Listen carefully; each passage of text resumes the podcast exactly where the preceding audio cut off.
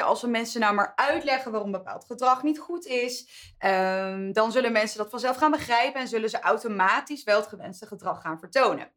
Maar dat is helaas niet altijd zo makkelijk. Goed dat je luistert naar de Neuromarketing en Gedragsbeïnvloedingspodcast. In deze podcast luister je elke week mee met de lunchwebinars van Unravel, waarin Tom van Bommel, Diede Vendrig en ik, Tim Zuidgeest, de laatste evidence-based insights uit de neuromarketing en gedragsbeïnvloeding delen. Vol met praktische insights die jij direct kunt toepassen. Voordat we beginnen met de aflevering, eerst nog even dit.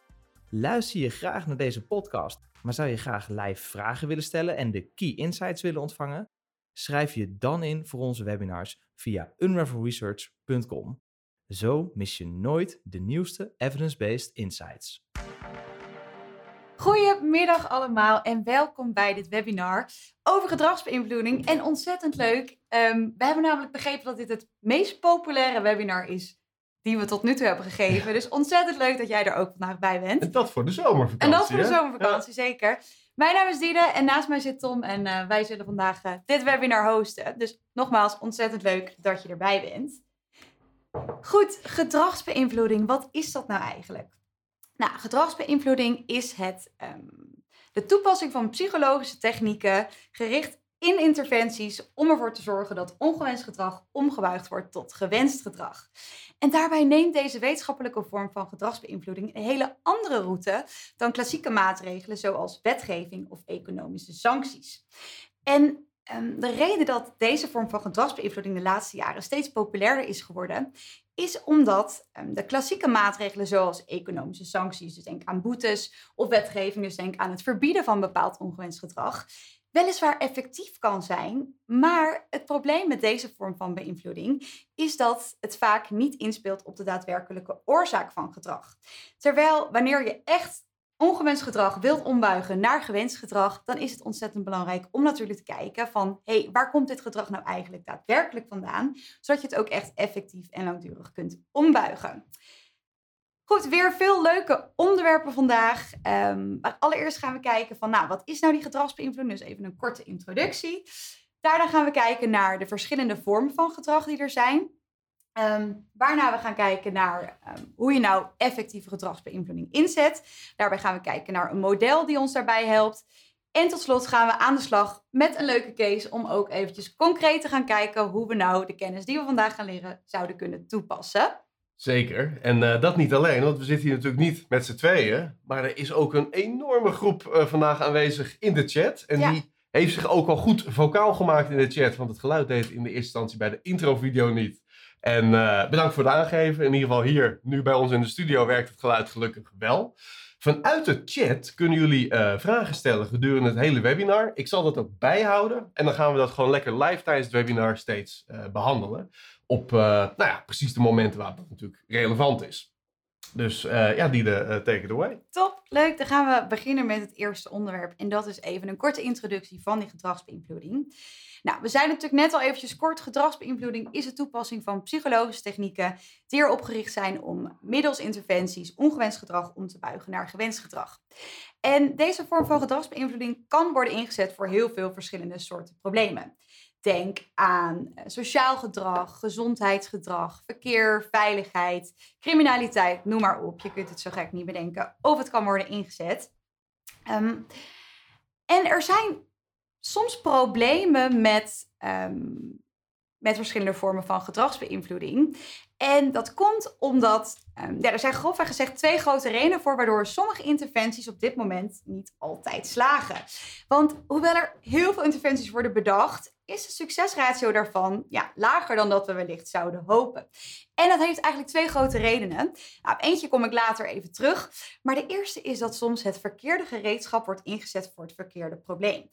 En daarmee bedoel ik dat vaak wordt gedacht dat educatie de oplossing is voor een bepaald probleem.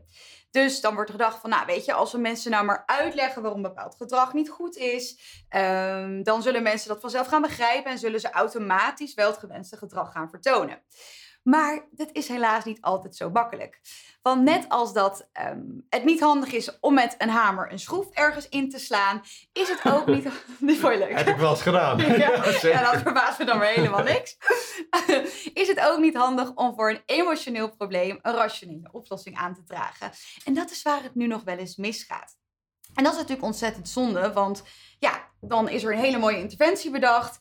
Maar ja, slaat die interventie de plank mis en is het zo dat het gewenste gedrag niet minder, sorry, niet meer wordt, maar soms zelfs dat het ongewenste gedrag erger wordt. En een mooie quote die ik daar altijd uh, bij vind passen is deze van uh, Mark Twain. You can't reason someone out of something he wasn't reason into. Dus als wij niet bewust een keuze maken om bepaald gedrag te vertonen, uh, dan wordt het ook heel erg lastig om dat door educatie, om dat dan te verminderen.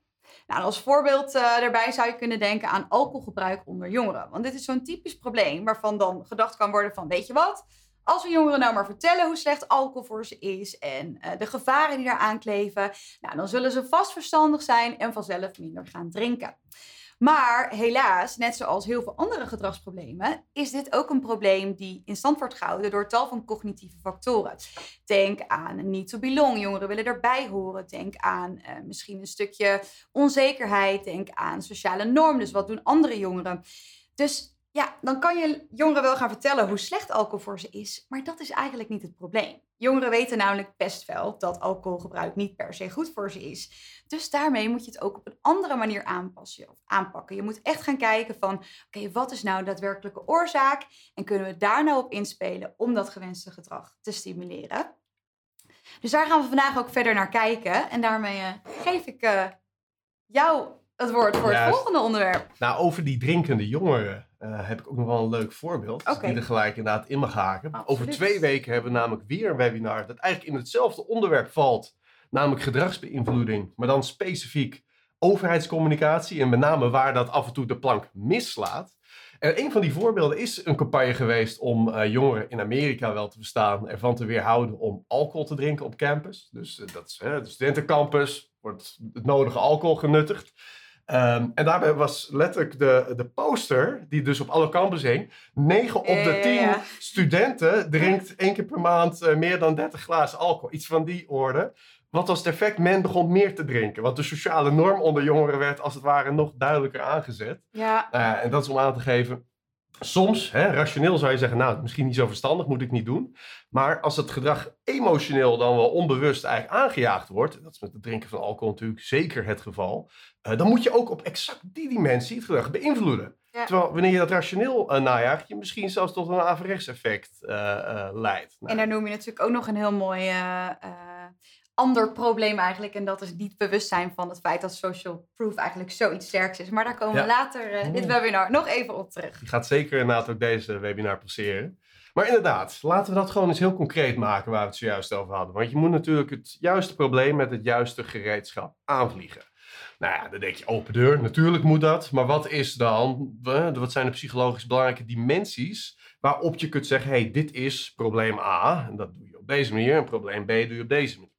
Nou, dat zijn twee dimensies. En dat is enerzijds in hoeverre het gedrag bewust of onbewust is. Dus je kunt je voorstellen dat het uh, drinken van een biertje, hoewel je daar enigszins bewust van bent, is de drijfveer om dat te doen eigenlijk iets wat geheel automatisch gaat. Dat komt gewoon uit onszelf. Uh, terwijl bijvoorbeeld het gedrag van het kopen van zonnepanelen enigszins bewust is uh, aangedreven.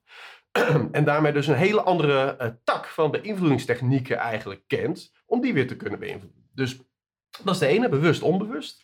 En de andere is gepland, op korte termijn, of sorry, ik zeg dus gepland, dus dat eigenlijk meer op lange termijn, versus de korte termijn. Dus je hebt gedrag dat ontstaat gewoon letterlijk in het moment. En dan moet je bijvoorbeeld denken aan agressie in voetbalstadions. Niemand plant om agressief te zijn, het is ook tamelijk automatisch gedrag. Maar het is niet dat het een soort van is opgebouwd, maar vaak wordt dat heel erg in het moment, wordt dat eigenlijk getriggerd. Wat impliceert dat je ook precies in het moment de uh, gedragsinterventie moet doen. Dus je gaat niet met een lange termijn campagne al te veel doen aan gedrag dat op korte termijn ontstaat. En tegelijkertijd heb je natuurlijk ook lange termijn uh, dingen, dus zaken die eigenlijk, eigenlijk in ons moeten slijten voordat het effect heeft.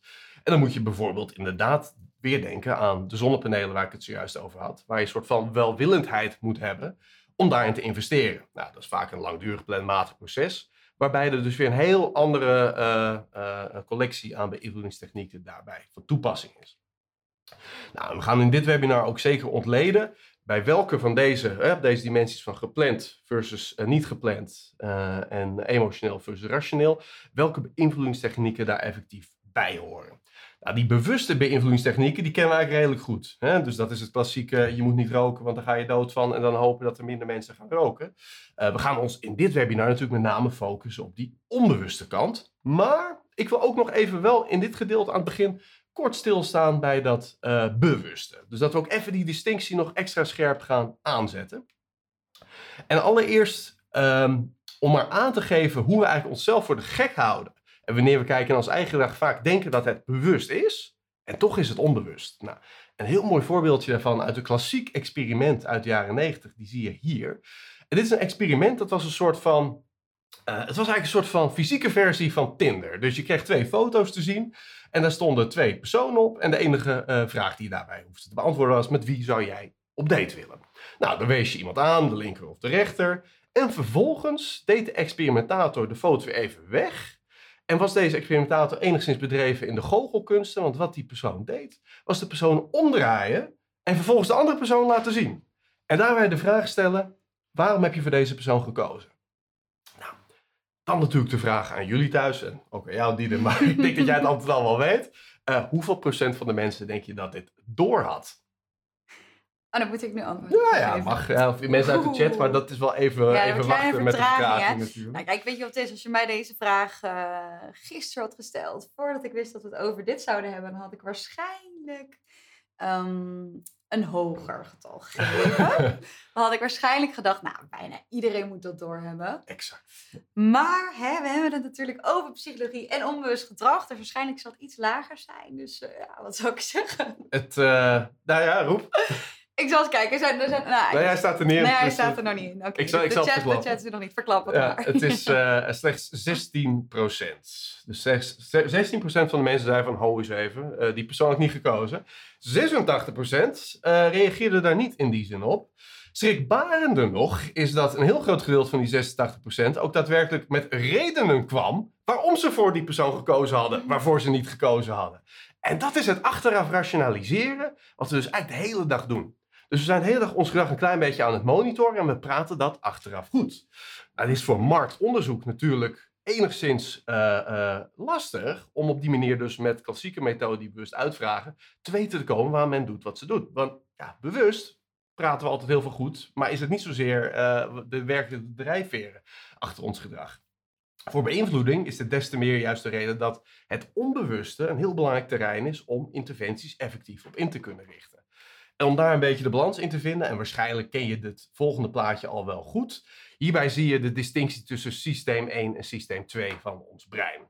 En dat is simpelweg, het is niet een fysieke distinctie, maar het is een soort metaforische indeling. Dat het grootste gedeelte van onze beslissingen, van ons gedrag, van onze interpretatie van de wereld onbewust gedreven is. Wordt vaak op 95% gezet.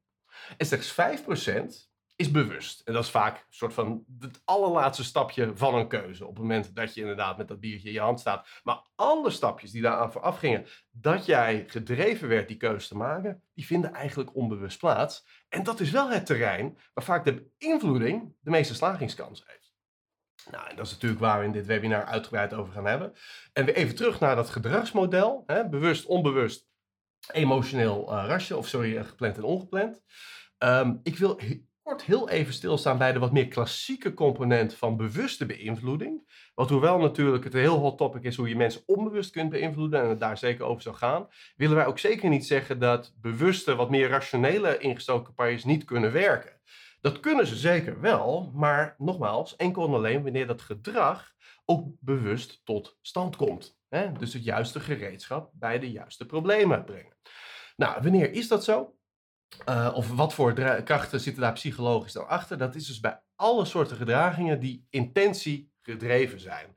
Dus gedrag dat vanuit een intentie ontstaat, hè, dus je hebt een soort van uh, een idee ergens bij, een gevoel ergens bij, bijvoorbeeld het kopen van zonnepanelen om die investering te maken. Nou, dan is eigenlijk de tussenstap tussen al die beïnvloedingstechnieken en uiteindelijk het moment dat die zonnepanelen op jouw dak staan, dat is een intentie. Het moment dat je bewust eigenlijk denkt, ja, ik wil die zonnepanelen hebben en ik ga dat ook doen. Ehm, en de drie krachten die voorafgaan aan de intentie, die worden samengevat in de Theory of Planned Behavior en de Theory of Reasoned Action. Dat zijn eigenlijk twee samenhangende theorieën. En die hebben de drie componenten ontleed die tot een bewuste keuze leiden. En de eerste is simpelweg de attitude. Dus de attitude is het gevoel, uh, ja, ik sta hier positief tegenover. Uh, of wanneer je gedrag wilt ontmoedigen, een negatieve attitude, dus die versterken. En dat kan bijvoorbeeld door middel van associaties. Dus wanneer je inderdaad in een anti-rookcampagne het roken laat associëren met negatieve associaties. En dat kan zijn, daar ga je dood van. Maar het is de vraag in hoeverre men dat daadwerkelijk bereid is te associëren ermee. Maar er zijn bijvoorbeeld ook campagnes geweest die juist uh, het verouderen van je huid bijvoorbeeld als associatie daarin hebben. Die misschien juist nog effectiever zijn om die attitude de juiste kant op te richten. De tweede, dat is de sociale norm. En dat is het gevoel dat jij hebt hoe andere mensen denken over dat gedrag. En hoe meer jij het gevoel hebt, laten we het wederom even bij roken houden, dat andere mensen negatief staan ten opzichte van roken, hoe groter dat de kans maakt dat jij ook bewust zult gaan, uh, de intentie zult opbouwen om ermee te stoppen.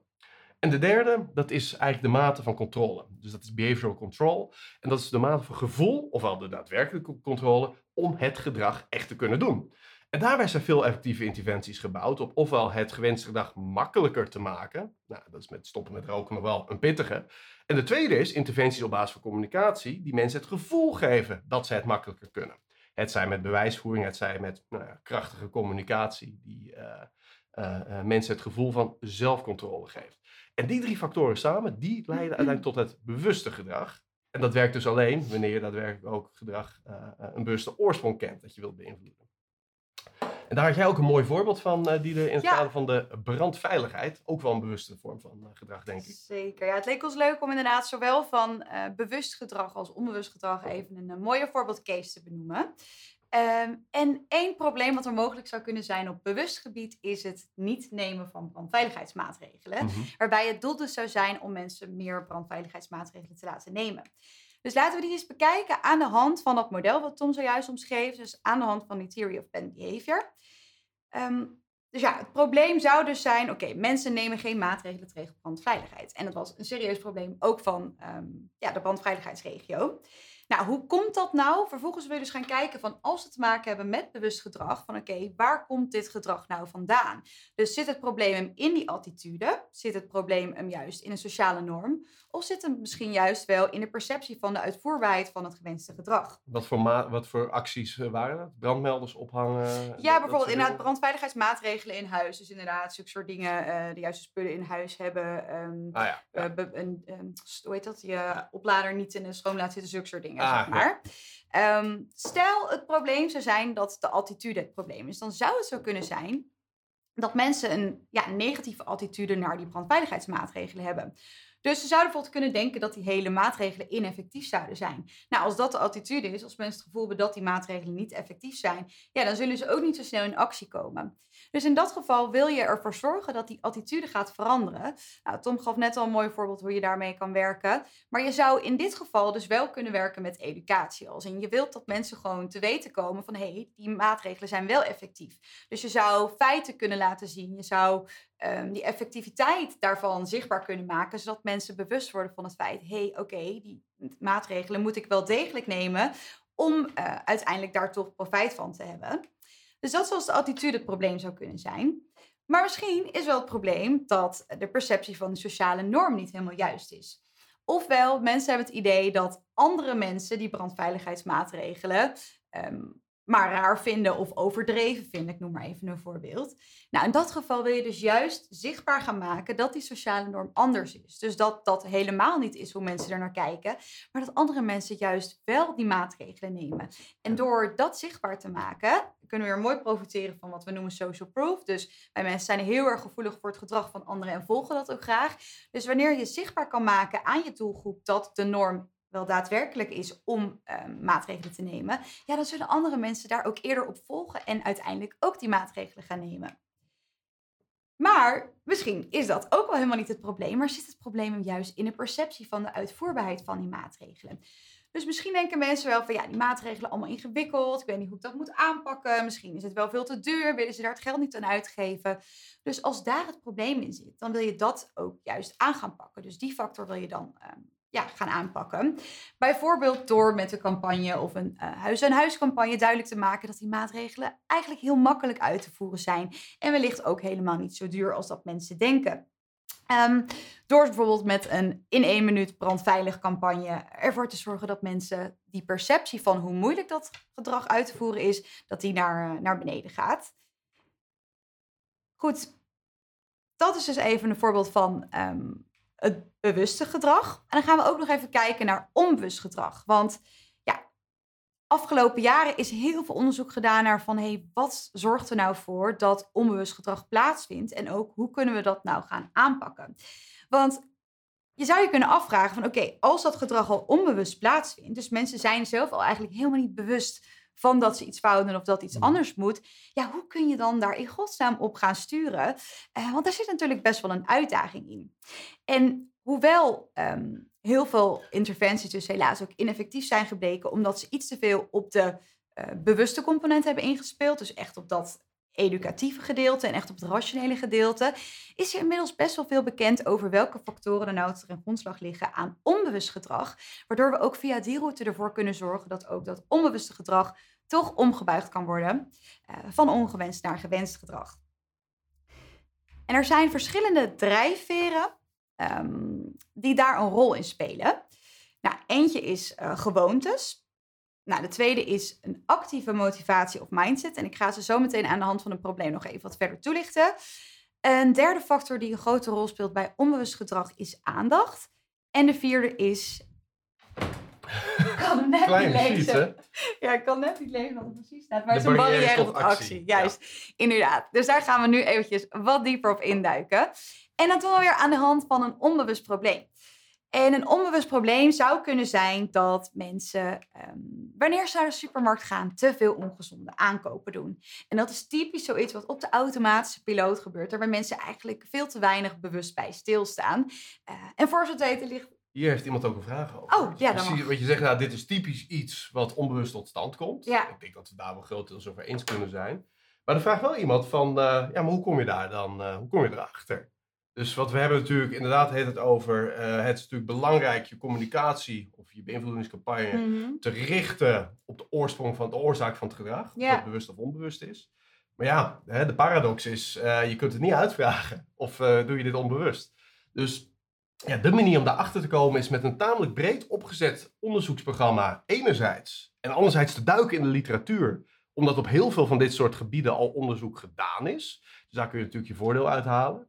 En dat is vaak een combinatie van enerzijds eh diepte-interviews, gedragsobservatie, dus juist echt kijken hoe gedrag tot stand komt. Eventueel dus aangevuld met eye-tracking om te kijken hoe keuzes gemaakt worden. In het geval van die eh, ongezonde producten in de winkel. Ehm, en je kan daarbij dus eigenlijk beetje bij beetje ontleden eh, welke stappen gestalte geven aan het gedrag. En door dat ook zeker juist aan te vullen met klassieke methodes. En daar dus hè, uitvragen, vragenlijsten en te kijken in hoeverre dat in lijn ligt met wat je eigenlijk onbewust ziet.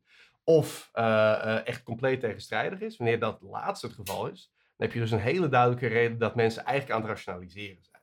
Want als men iets heel anders zegt dan wat ze doen, ja, dat is een heel duidelijk teken aan de wand dat het gedrag zeer onbewust gedreven is, zonder dat we überhaupt de consequenties daarvan eh, doorhebben. Wat wellicht inderdaad hier weer in de supermarkt voor dit voorbeeld het geval is. Top. Ja, want ehm, om eventjes terug te pakken naar die verschillende factoren die dus een rol spelen bij dat onbewuste gedrag. De eerste wat we net zagen eh, is gewoontes. En wij mensen hebben natuurlijk ontzettend veel gewoontes. En nou, wat is een gewoonte nou eigenlijk of waarom hebben we zoveel gewoontes? Nou, dat heeft weer te maken met ons brein. En ons brein is zo geëvalueerd dat het erop gericht is om met zo min mogelijk capaciteit juist gedrag te vertonen. En een gewoonte is eigenlijk ehm, heel simpelweg het herhalen van eerdere gedragingen.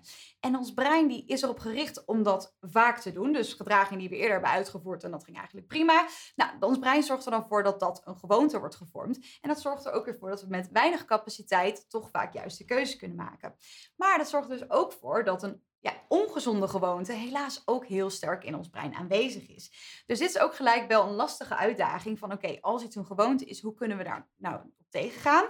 Dus dat is vaak een van de lastigste factoren om te beïnvloeden, maar tegelijkertijd wel eentje als wanneer je het voor elkaar krijgt om een slechte gewoonte om te buigen naar een goede gewoonte, ook eentje die je uiteindelijk in de lange termijn echt, ehm, ja, daar echt veel succes mee kan hebben. Maar stel, het is een gewoonte van mensen om altijd even iets lekkers mee te nemen in de supermarkt. Nou, kom daar dan maar eens tussen. Uh, maar een hele leuke manier en in die zin ook relatief simpele manier om een nieuwe gewoonte te vormen, is simpelweg het tracken van positief gedrag. Dus wat je bijvoorbeeld zou kunnen doen, is met een app mensen stimuleren om het positieve gedrag, dus in plaats van even die chocoladereep, een appeltje in het mandje, om dat vast te leggen, bijvoorbeeld in een app. En dan kun je natuurlijk ook nog met positieve bekrachtiging gaan werken door telkens wanneer iemand zo'n gezonde keuze ten opzichte van een ongezonde keuze maakt, eh, dat eventjes iets van positieve emotie te geven door bijvoorbeeld met gamification ervoor te zorgen dat mensen uh, eventjes een duimpje of iets omhoog in de app krijgen en daardoor ook eventjes uh, wat, wat fijne emotie voelen, waardoor ook de kans dat die gewoonte herhaald wordt, of in ieder geval de gedraging herhaalt en uiteindelijk dat een gewoonte wordt, te bekrachtigen. Dan actieve motivatie. Vaak in het maken van beslissingen is er vaak één dominante mindset. Ehm, die ervoor zorgt dat uiteindelijk een bepaalde keuze wordt gemaakt. Dus stel jij komt aan het einde van je werkdag in de supermarkt en je geheugen, of sorry, je brein is al een beetje uh, moe, je hebt al hard gewerkt die dag, dan ben je net even iets minder in staat om een bewuste keuze te maken voor een gezonde optie, waardoor je op de automatische piloot toch net weer even naar die zak chips grijpt. Nou, wat je dan wil doen, is ervoor zorgen dat juist de andere mindset, dus de andere dominante motivatie, actief wordt. Dus je wilt eigenlijk dat mensen in plaats van de motivatie om even lekker te genieten, de motivatie krijgen om goed voor zichzelf te zorgen en eventjes juist iets gezonds mee te nemen. Nou, er zijn heel veel leuke technieken die je hiervoor kan inzetten, maar ze zijn er bijvoorbeeld onderzoeken geweest uh, waarbij heel simpelweg het tonen van posters met groenten ervoor kon zorgen dat die mindset geactiveerd werd van hé, hey, ik wil toch eigenlijk liever goed voor mezelf zorgen en iets gezonds meenemen in plaats van iets ongezonds.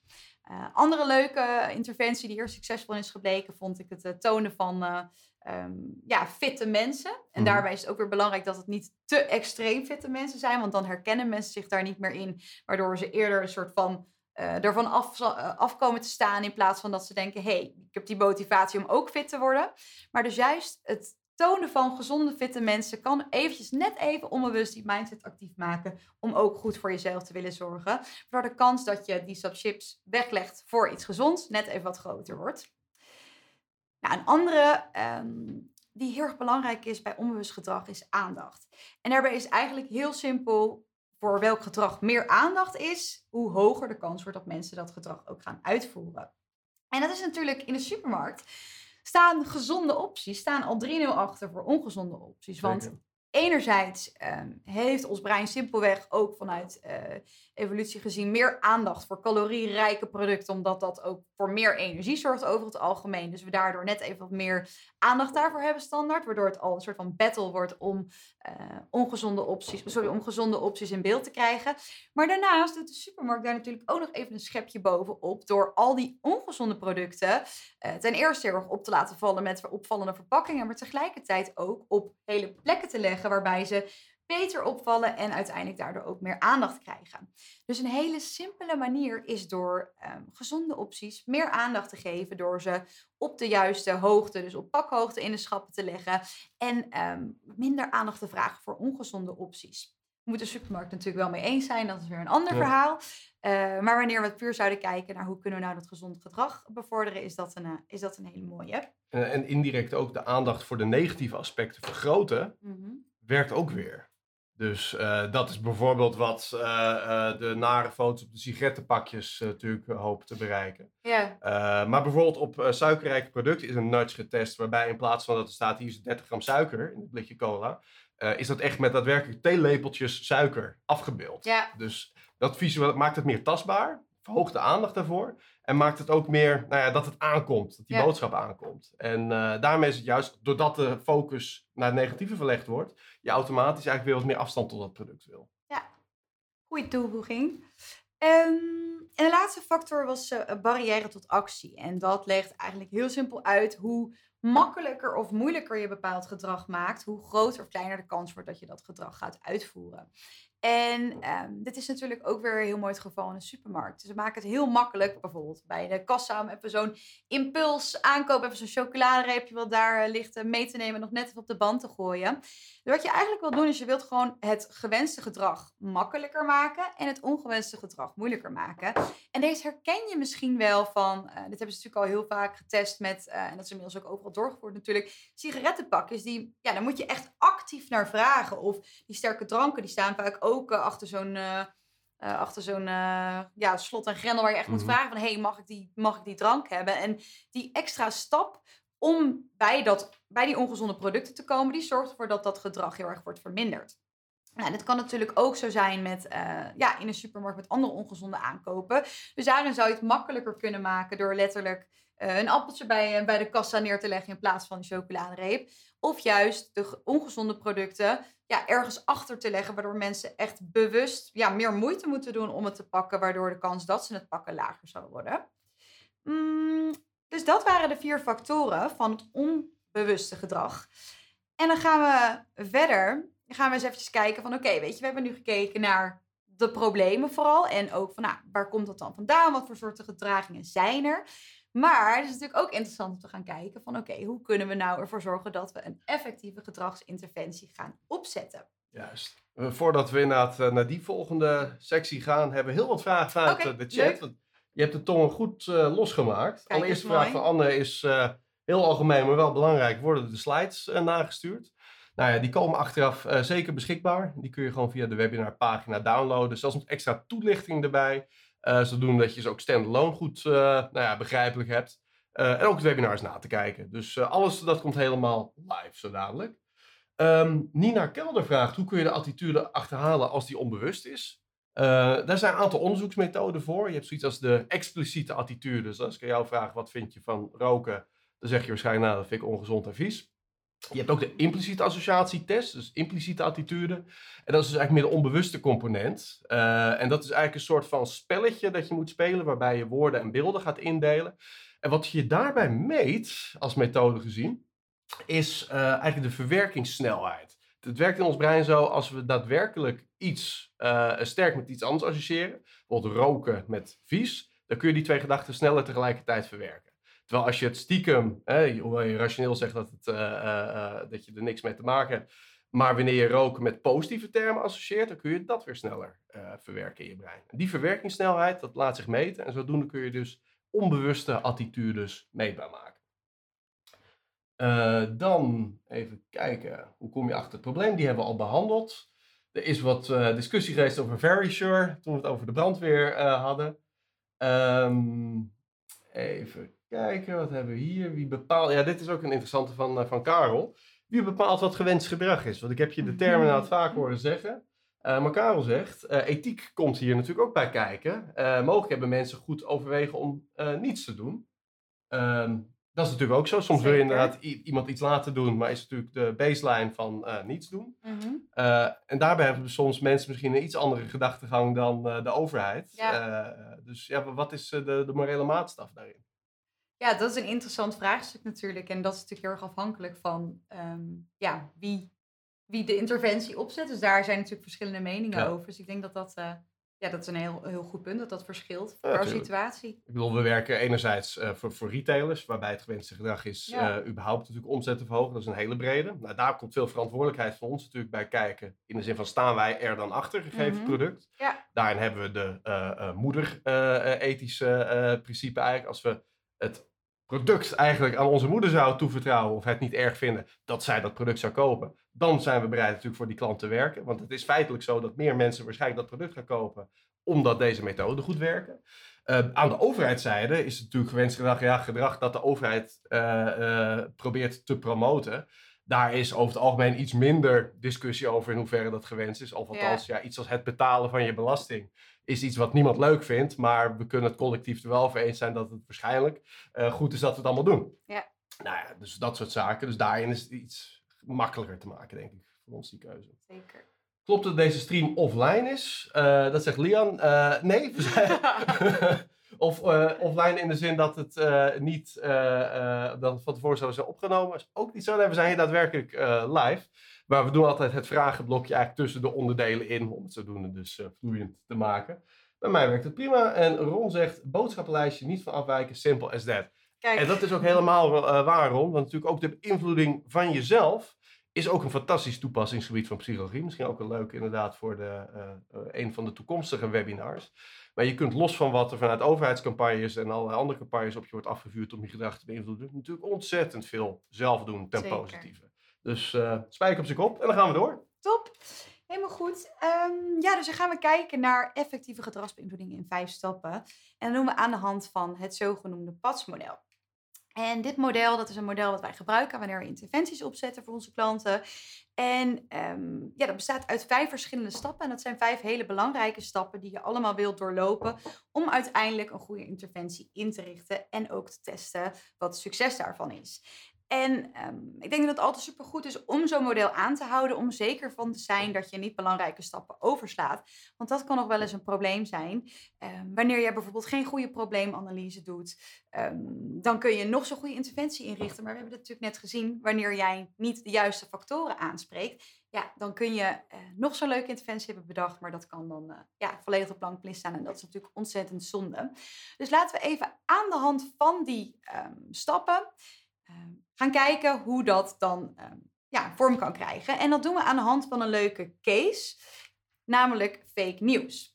En um, dit is natuurlijk een probleem, zeker van de laatste jaren, wat steeds groter wordt. Want door de komst van social media en het internet en de verspreiding en de snelheid daarvan, is het zo dat fake news heel snel kan verspreiden. En dat kan natuurlijk uiteindelijk ervoor zorgen dat mensen ja, verschillende denkbeelden krijgen, maar ook dingen gebaseerd op dingen die niet waar zijn. Wat ervoor kan zorgen dat mensen eh, heel erg uit elkaar raken. En ehm, dat is natuurlijk uiteindelijk niet wat je wil. Want je wilt liever dat mensen het een beetje met elkaar eens zijn. Dat er in ieder geval een beetje gemoedelijk blijft in de wereld. um, maar het is wel interessant. Want de vraag is natuurlijk van... We hebben natuurlijk net gekeken van... Oké, wat voor verschillende problemen hebben we?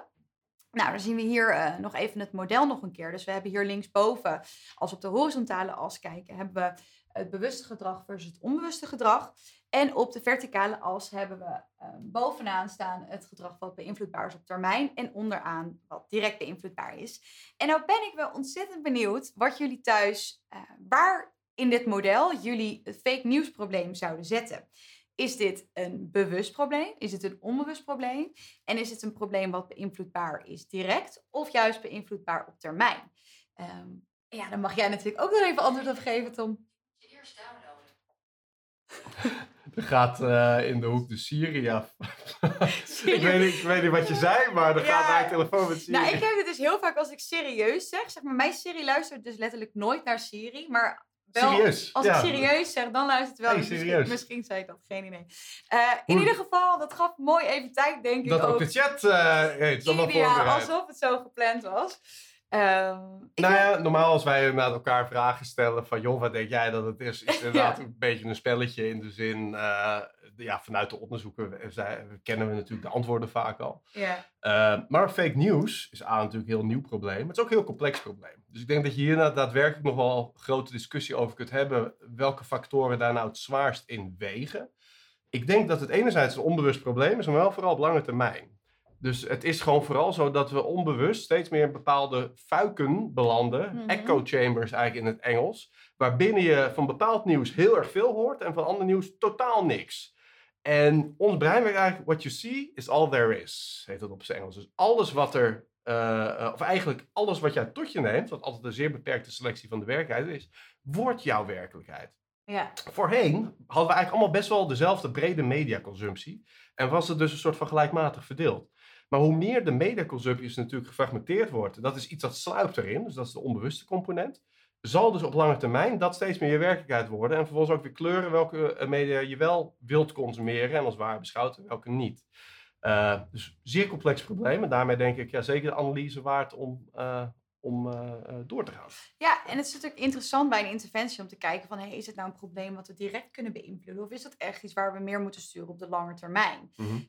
um, en ja, de vraag die ik net stelde, dus wat voor type problemen zit. Ik denk dat de ene component best wel makkelijk te bepalen is. Als in, is het onbewust of bewust? Nou, je Mhm. gaf het net ook al aan. Het is inderdaad vaak een onbewust probleem, want we worden niet bewust beïnvloed door fake nieuws. Want dan zou het minder een probleem zijn, want dan zouden we weten dat we te maken hadden met fake nieuws. Dus ik denk dat daar de meeste mensen wel uit zouden komen. Maar dan is natuurlijk de vraag van, ja, kunnen we dat direct beïnvloeden? Of is het juist iets wat we kunnen beïnvloeden op lange termijn? Nou, is een beetje flauw, want het is eigenlijk, ehm, ja, beide gevallen zijn waar. Als in, Mhm. het is een probleem wat we op lange termijn zouden kunnen beïnvloeden. Maar wat wel heel leuk is, en dat is ook waar we straks een mooi voorbeeld van een hele succesvolle interventie van gaan geven, is dat het zeker ook een probleem is wat direct te beïnvloeden is. En daar eh, komen we zo nog even te- op terug. Maar allereerst nog eventjes wat meer, ehm, ja, willen we toch nog even wat dieper gaan kijken naar dat padsmodel. Dus, nou, probleemanalyse, je wilt weten, kijk, wat is echt het probleem? En daarbij wil je ook echt gaan kijken van welke verschillende factoren spelen er allemaal een rol binnen dit probleem. Ehm, en daarvoor wil je niet alleen ehm, ja, zelf gaan denken van... hé, hey, wat, wat zijn factoren bij dit probleem? Maar je wilt echt goede onderzoeken gaan doen. Dus Tom zei het net al even, je wilt interviews gaan doen... eh, maar zeker ook de literatuur induiken. Want er is voor heel veel problemen eh, al heel veel onderzoek gedaan. En dat wil je zeker ook zoveel mogelijk mee gaan nemen... om een zo compleet mogelijk beeld voor jezelf te krijgen van... hé, hey, wat is dit probleem? En welke factoren spelen hier allemaal een rol bij? En hoe beïnvloeden die verschillende factoren elkaar dan ook weer? En dat is het mooie, want daarbij kom je vervolgens bij de testfase in dit model. En dat is de fase waarin je gaat kijken van, hey, klopt mijn theorie? Klopt het dat alle factoren die ik hierin in heb gevonden, zowel in de literatuur als in interviews, als in eh, gedragsobservaties, eh, klopt dat en hangt dat allemaal logisch samen? En dat wil je vervolgens eh, samen gaan zetten in een zogenoemd procesmodel. En ehm, we hebben hier een versimpeld procesmodel voor jullie weer Ehm, Dit is wel de versimpelde. Ja, als er, ja Dit is de oorspronkelijke. eh, precies de reden waarom we hem hebben versimpeld. Omdat dit is al een versimpelde ja, versie Maar zo complex is het ook natuurlijk. hè. Daarom Ja. zeker. Het is, ja, je zei het ook net, dat is een zeer complex probleem. Er zijn heel veel zaken die invloed hebben op dit uiteindelijke probleem. En op die impact van dat fake nieuws. Eh, maar wat je in zo'n procesmodel wilt doen, is dat je dus al die factoren ehm, op wilt gaan schrijven. Vervolgens met pijlen wilt gaan kijken van, hey, hoe spelen die verschillende factoren nou op elkaar in? En eventjes, we gaan niet het hele model behandelen, want dan eh, zitten we hier morgen waarschijnlijk nog. Maar het is wel leuk om even een paar dingetjes eruit te pakken. Om even te kijken van, hé, hey, eh, wat voor invloed hebben die eh, verschillende factoren nou op elkaar? Nou, rechts in het model zie je helemaal het probleem, noem het maar even, de impact van die fake news. En daarbinnen zie je allemaal factoren die daar ook een rol bij spelen.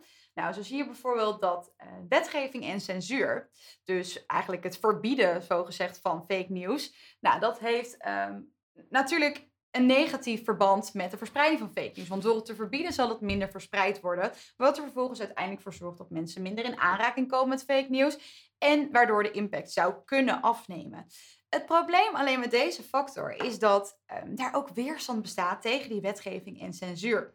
En dat zorgt ervoor dat mensen, omdat ze die weerstand hebben, um, ja, daar eigenlijk weerstand in krijgen. En je ziet die pijl helemaal rechts, rechts eromheen gaan. En dat zorgt er via die route juist weer voor dat mensen uiteindelijk weer meer beïnvloed worden. En dat uiteindelijk de impact van het fake news juist ook weer groter wordt. Dus wanneer je die wetgeving zou gaan verhogen, ja, dat lijkt dan heel gunstig te zijn. Want aan de ene kant vermindert het het probleem, maar aan de andere kant versterkt het het probleem.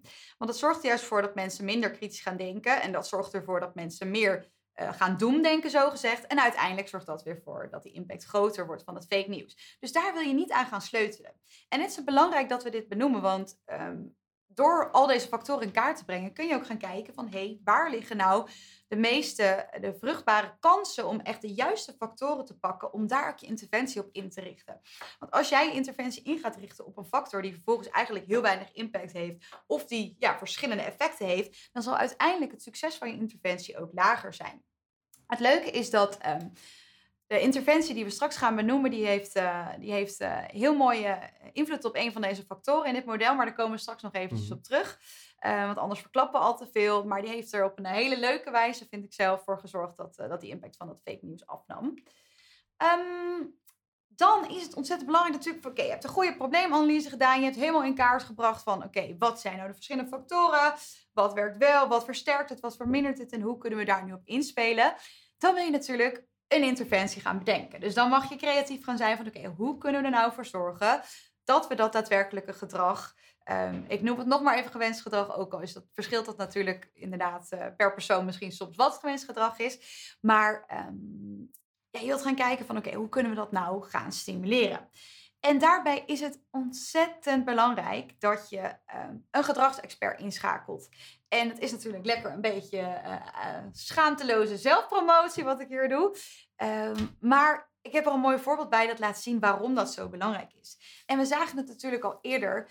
Het is vaak het geval dat um, ja, soms net technieken niet helemaal, ja, dat de kennis van bepaalde technieken niet overal aanwezig is. En dat zagen we ook heel mooi in dit voorbeeld van de NS. Want ze hadden het probleem en dat was dat te veel mensen nog na het fluitje instapten. En dat was natuurlijk vervelend voor de conducteurs, want die liepen vertraging op. Nou, niet alleen voor de conducteurs natuurlijk, maar uiteindelijk zorgde dat voor heel veel vertraging. En dat wilden ze voorkomen. Dus wat dachten ze? Weet je wat we doen? We gaan mensen laten zien hoe vervelend dit gedrag is. Uh, we laten zien, zoveel procent van de mensen die stapt nog in na dat fluitje. Is echt heel vervelend, doe dat alsjeblieft niet meer. Maar je voelt hem alweer een beetje aankomen. Net als met de jongeren op de campus, die werden getoond hoe veel andere studenten dronken. Uh, werkte het hier precies hetzelfde. Dus wanneer je aangeeft dat heel veel andere mensen na dat fluitje nog instappen is het zo dat mensen, helaas, want zo zijn we, uh, niet denken van, oh, nou, dan doe ik dat niet meer. Nee, je zet juist de norm van, dat kan ik dan ook nog wel even doen. Waardoor mensen in plaats van minder juist meer instapten na dat fluitje nog. En dat is natuurlijk um, ja, tricky, want dat wil je gewoon niet doen. En zo zijn er heel veel psychologische technieken of gewoon uh, ja, menselijke principes waarvan het heel belangrijk is dat je daar uh, een psycholoog bij inschakelt die zich bewust is van de mogelijke valkuilen binnen interventies, zodat je kan voorkomen dat een interventie niet het ongewenst gedrag juist verergert, um, maar juist ervoor zorgt dat ja, zo'n interventie ook uiteindelijk effectief is. Ik vind bij deze de, de, de, gewoon de wijze waarop het geformuleerd is in die zin uh, wordt het eigenlijk op lachwekkende wijze nog extremer dan het al is. Dat 54% van de reizigers stapt in na het horen van het fluitsignaal. Dat is waarschijnlijk over een jaar gemeten en 54% yeah, yeah, yeah. van de reizigers het ooit gedaan. Maar een soort van het beeld wat je schept is zo'n perron waarvan letterlijk meer van de helft van de mensen de trein is. Waar hebben die trein in? Uh... Pas na dat fluitsignaal. Dat, je, mensen beschouwen het altijd als één uh, case, als één situatie als het ware. Dus ja, hierbij is het denk ik dubbel erg. Uh, dat ja, dus dat is ja, wat je zegt, het, uh, het kan tricky zijn. En dat is natuurlijk zonde, zeker als je zo'n heel proces daar uh, mee bezig bent. En je stopt daar veel tijd en vaak ook geld in. En, uh, ja. en dat het dan uiteindelijk niet het gewenste resultaat oplevert. Dus dat is natuurlijk ontzettend zonde. Dus daarin wil je ja, idealiter in iedere stap van het proces even die check hebben vanuit de gedragspsycholoog. Van hey, zijn we goed bezig? En ja, zijn we bewust ook van alle vuilkuilen die er zijn. Nou ja, als je dan zo'n uh, mooie interventie hebt opgezet, dan wil je natuurlijk ook uiteindelijk het succes daarvan in kaart brengen. En dat is wel interessant ook nog, want um, nu wordt dat vaak nog ja, gemeten op basis van intentie. Mm -hmm. Dus uh, er is bijvoorbeeld een mooie interventie geweest die ervoor wilde zorgen dat mensen vaker gingen sporten. Nou, wat ze dan doen na zo'n interventie is dat ze dan mensen gaan vragen van, nou, op basis van uh, wat we nu hebben gezien, op basis van deze interventie, ja, hoe vaak ben je van plan naar de sportschool te gaan? En dat is natuurlijk interessant, maar helaas zijn wij mensen ontzettend slecht in het voorspellen van ons eigen gedrag. Uh, en dat zien we ook mooi terug in dit experimentje. Ehm, er was een experiment waarbij er een focusgroep was. Dus uh, Sony die had deze twee uh, Walkmans. En ze wilden graag weten van welke van deze twee moeten op de markt brengen. Moet dat nou de gele worden of de grijze? Verder precies dezelfde Walkmans. Nou, die focusgroep die ging daarover in discussie. En uh, nou, we hadden daar mooie argumenten voor waarom wel of niet. Uiteindelijk kozen ze ervoor, ze waren het unaniem over eens. Die gele Walkman, dat moest hem worden en die moest op de markt komen. Dus zij dachten, nou, experiment is klaar, ik ga naar huis. Um, maar die onderzoekers, er zat nog een, een, klein staartje aan het experiment. Dus wat ze deden, ze zeiden, nou, weet je, deze Walkmans kunnen we toch niet meer gebruiken, want ze zijn open. Dus die legden ze bij de deur neer. En ze zeiden tegen iedereen die had meegedaan aan het onderzoek van, nou weet je wat, als bedankje voor je deelname mag je er een van de twee kiezen. Nou, en als drie keer raden welke Walkman er uiteindelijk Iedereen met grijs naar huis. Iedereen ja. met grijs naar huis, ja. En het klinkt heel stom en het klinkt misschien een beetje onwerkelijk, maar het is echt ja, wij mensen zijn zo ontzettend slecht in het voorspellen van ons eigen gedrag. Ook omdat heel veel van het gedrag, zoals we hebben gezien, buiten ons bewustzijn plaatsvindt. Waardoor het gewoon heel lastig is voor onszelf om te kunnen voorspellen wat we op een later moment gaan doen. En dit, ehm, waarom ik dit vertel, is omdat wanneer je zo'n interventie maakt en je wilt het succes in kaart brengen, ja, dan moet je echt daadwerkelijk, wanneer het mogelijk is natuurlijk, het daadwerkelijke gedrag doormeten. Dus niet doormeten hoe vaak ben je van plan naar die sportschool te gaan. Nee, daadwerkelijk turven hoe vaak mensen die sportschool daadwerkelijk in zijn gestapt. Want alleen zo kan je zien wat echt het succes is van zo'n interventie. Dus ja, probeer wanneer zo'n interventie ook opzet er altijd rekening mee te houden van kan ik mijn interventie doormeten? En misschien als dat nog lastig is, om misschien toch nog iets te sleutelen om te kijken van, hey, kunnen we op een bepaalde manier toch echt dat succes in kaart brengen? Want uiteindelijk wil je daar natuurlijk, uh, nou, ten eerste wil je gewoon dat je interventie succesvol is, maar je wilt ook leren, want stel het werkt niet, ja, dan kan je weer terug naar de mhm. tekentafel, terug naar je procesmodel en gaan kijken van, hey, is er misschien een andere factor of een andere interventie die we kunnen inrichten om uiteindelijk alsnog succes te behalen? Dus een... Uh... Geclaimd gedrag achteraf daarentegen heeft wel onzekere waarde. Dus mensen zijn er heel slecht in te voorspellen wat ze gaan doen. Mm Dus intentie is niet zo goed. Uh, maar achteraf, hè, wanneer de interventie dat toestaat, dus bijvoorbeeld inderdaad uh, meer gaan sporten. Ja. En wanneer je mensen wel op dagelijkse basis, wekelijkse basis, een, een klein surveytje laat doen en daarbij laat turven hoe vaak ze daadwerkelijk zijn gaan sporten. Heeft dat wel, met om en nabij wat sociale wenselijkheid, die denk ik daar wel een rol in speelt. Maar heb je dan een enigszins waardevolle meting? Ja. ja, dus daar is inderdaad wel een, uh, een onderscheid in. Top, dan uh, gaan we naar de leuke interventie die, die is getest op het gebied van fake news. Dus daarvoor geef ik, of wil je nog wat vragen? Ja, ik heb ook nog veel leuke vragen uit, uit de chat. De chat is, is echt goed aan het meedenken vandaag. En uh, hier een leuke van, van Ron, nog even terug naar de NS uh, eh, van zojuist. Mm -hmm. Waarom wordt dat fluitsignaal niet gewoon eerder gegeven dan? en dat denk ik dat uh, Ron op zich een punt heeft op, op korte termijn. Want we hebben nu nog associatie, fluitsignaal is rennen en instappen. Yeah. Dus wat nou als je het gewoon een minuut van, eerder doet en dan iedereen die haastig is, die gaat er alsnog in. Echter op lange termijn, wat gebeurt in je brein? Nieuwe associatie gaat zich vormen. Waardoor dat fluitsignaal ineens niet meer is, hé, hey, uh, ik uh, moet nu echt instappen. Het is, oh, ik heb nog wel een minuutje. Ja. Dan ga je ineens mensen hebben die nog even snel een Red gaan halen als ze de fluit horen. Nou, dus dat is natuurlijk niet wat je wil. Dus op korte, wat op korte termijn goed kan werken, heeft op lange termijn vaak nadelige consequenties. Vooral als dat een beetje grove, harde maatregelen zijn. Zoals bij fake news inderdaad, het compleet verbod of censuur op allerlei social media platforms. Wat uh, bijvoorbeeld in Frankrijk in zekere mate is uitgetest, waarbij er nou, zeg maar die interventie waar je het net over had, die is in Frankrijk uitgevoerd. Dat heeft op korte termijn op zich positieve gevolgen, maar op lange termijn jaag je mensen tegen je in het harnas. Ja. Dus dat zag je daar. Uh, Rick vroeg over de Walkman. Uh, namen ze grijs niet mee omdat ze wisten dat geel op de markt kwam? Interessante theorieën. Geïsoleerd zou het absoluut eh, kunnen kloppen voor, voor deze case. Het is echt een bekend fenomeen dat wat er uit focusgroepen komt niet heel erg sterk overeenkomt met de werkelijkheid. Of het nou gaat om uh, focusgroepen van pilotseries. Bijvoorbeeld uh, de hitserie Friends kwam waanzinnig slecht uit de bus in de focusgroep. Toch doorgezet en een van de populairste comedies ooit geworden. Het is nou eenmaal zo dat we vaak van tevoren niet weten wat we gaan doen. En dat we ook zeker in een sociale context met andere mensen heel erg geneigd zijn mee te veren met uh, de hardschreeuwende aap op de rot, zeg maar. Die, die ja. op de, en, en, als dat, en die neigen vaak naar, wat wil die marketeer van mij horen? Nou, dan zie je een gele spiksplinter nieuwe Walkman. En een grijze met welke je wat meer comfortabel voelt, want die lijken op de Walkmans die je al kent. Ja, dan denk je, die gele, dat is het gewaagd. Dus ik ga zeggen, dat geel, dat is fantastisch.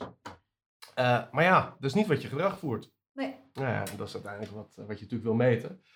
Um, even kijken. Um, welke literatuur raden jullie aan? Wordt gevraagd door uh, Simone. Dat uh, is een, uh, een mooi breed vraagstuk. Uh, daar gaan we binnenkort denk ik ook een, een webinar aan wijden over de beste boeken. Over consumentenpsychologie, sociaal gedrag en nou, eigenlijk alle boeken die wij afgelopen tien jaar dat we dit werk doen hebben gelezen. Die we als een soort van top 10 zouden rekenen om in dit vakgebied te gebruiken. Dus dat is een to be continued.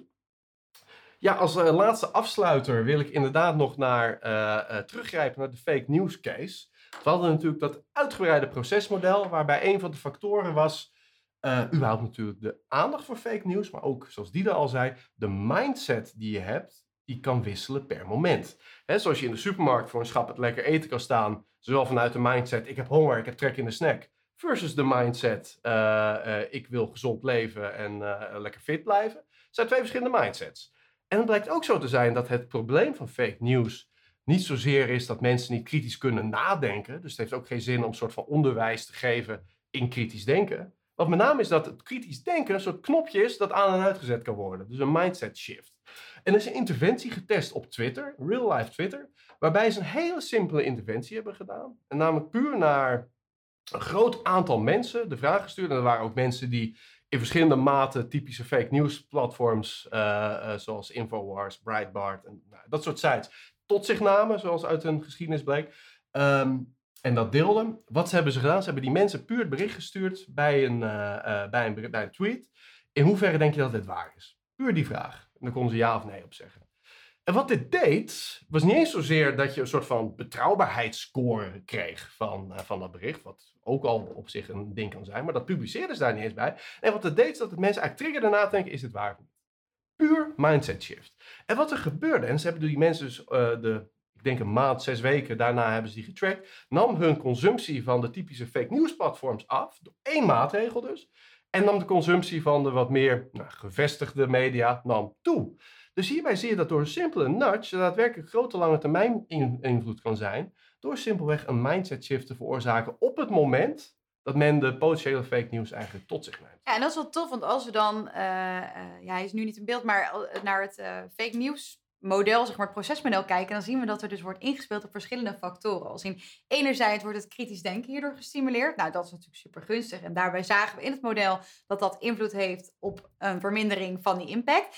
Maar daarnaast is het ook zo dat die verspreiding minder wordt, wat nog weer een losstaande factor ervan is, waardoor je eigenlijk via verschillende routes het uiteindelijke probleem vermindert. En dat is natuurlijk heel tof om te zien dat Ja. dat uh, in zo'n procesmodel terugkomt. Precies, ja, nou een heel goed punt. Door inderdaad juist zo'n procesmodel te maken, zie je exact welke knop eigenlijk in verbinding staat met de meest aantal van factoren. Ja, En waar je dus aan kan draaien om een zo groot mogelijk resultaat te bereiken. Dus ja, dat is een hele eh, mooie.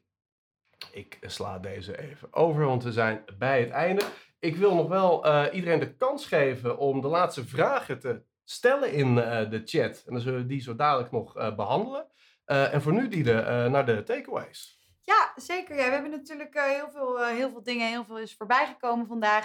Maar nog even kort herhaald van wat zijn nou de belangrijke takeaways van vandaag. Nou, allereerst wil je wanneer je zo'n gedragsinterventie gaat opzetten, wil je gaan kijken van hé, hey, met wat voor type gedrag heb ik nu te maken, zodat je voorkomt dat je met het verkeerde gereedschap, met het verkeerd probleem gaat lopen knutselen. Dus je gaat gaan kijken van oké, welk probleem heb ik en welk gereedschap kan ik daar ook voor inzetten. Nou, daarnaast wil je met dat pasmodel gaan kijken van heb ik alle stappen echt goed doorlopen. En daarbij is een hele belangrijke dus, heb ik een gedragsexpert ingeschakeld? Heb ik in ieder geval die check gedaan of die psychologie daarachter bij mijn interventie goed zit en we niet per ongeluk in uh, een valkuil trappen. Want dat zou natuurlijk ontzettend zonde zijn en zonde van het werk, maar ook um, ja, natuurlijk heel erg zonde als dat ongewenste gedrag juist versterkt wordt. Nou, en tot slot ga je kijken van, hey, kan ik die interventie ook testen? En dan dus idealiter niet op basis van intentie, maar echt op basis van daadwerkelijk gedrag. En zo kan je mooi het succes in kaart brengen. En hopelijk is dat, uh, ja, zeer geslaagd en uh, op naar de volgende interventie, denk ik dan. Zeker, ja. En uh, daar gaan we het zo over hebben. Want we hebben hier heel rap uh, later deze maand weer een webinar over een specifieker onderwerp over gedragsbeïnvloeding. Eerst nog een paar laatste vragen en opmerkingen. Okay. Karel die zegt, uh, focusgroepen zijn uh, uh, bedoeld om de mogelijke antwoorden eigenlijk in kaart te brengen. Het is niet bedoeld om besluiten op te nemen. het is kwalitatief, niet kwantitatief. En dat is een ontzettend goed punt, want dat is exact wat we eigenlijk ook inderdaad bedoelen te zeggen in dit webinar. Het is niet zozeer dat focusgroepen nooit werken of nooit gedaan zouden moeten worden, maar je moet het juiste gereedschap natuurlijk bij het juiste probleem gebruiken. En wat er in dit geval gebeurt, was inderdaad een besluit nemen op basis van een focusgroep, is weer een schroef met een hamer in de muur slaan. Het zijn op zich twee prima gereedschappen, maar niet in combinatie met elkaar. Dus goed punt van Karel. Um, even kijken. Isabel die vraagt, zouden jullie daarom zeggen dat je beter gewoon kunt gaan beginnen? Met een interventie bijvoorbeeld, als je het hebt over het voorspellen voor gedrag vanuit focusgroepen. Um, ik zou niet zeggen gewoon beginnen uit de losse pols, zeker niet vanuit de onderbuik, maar met name uh, uh, afhankelijk van het gedrag dat je wilt beïnvloeden, kijken welke kennis heb ik nodig om zo'n procesmodel te bouwen. Dat is deels gewoon kennis uit reeds gepubliceerde onderzoeken. Dus dat is echt door de papers heen ploeteren om te weten te komen welke onderzoeken zijn al over dit onderwerp gedaan. Naar factoren die wel en ook zeker factoren die juist niet werken om dat gedrag te beïnvloeden.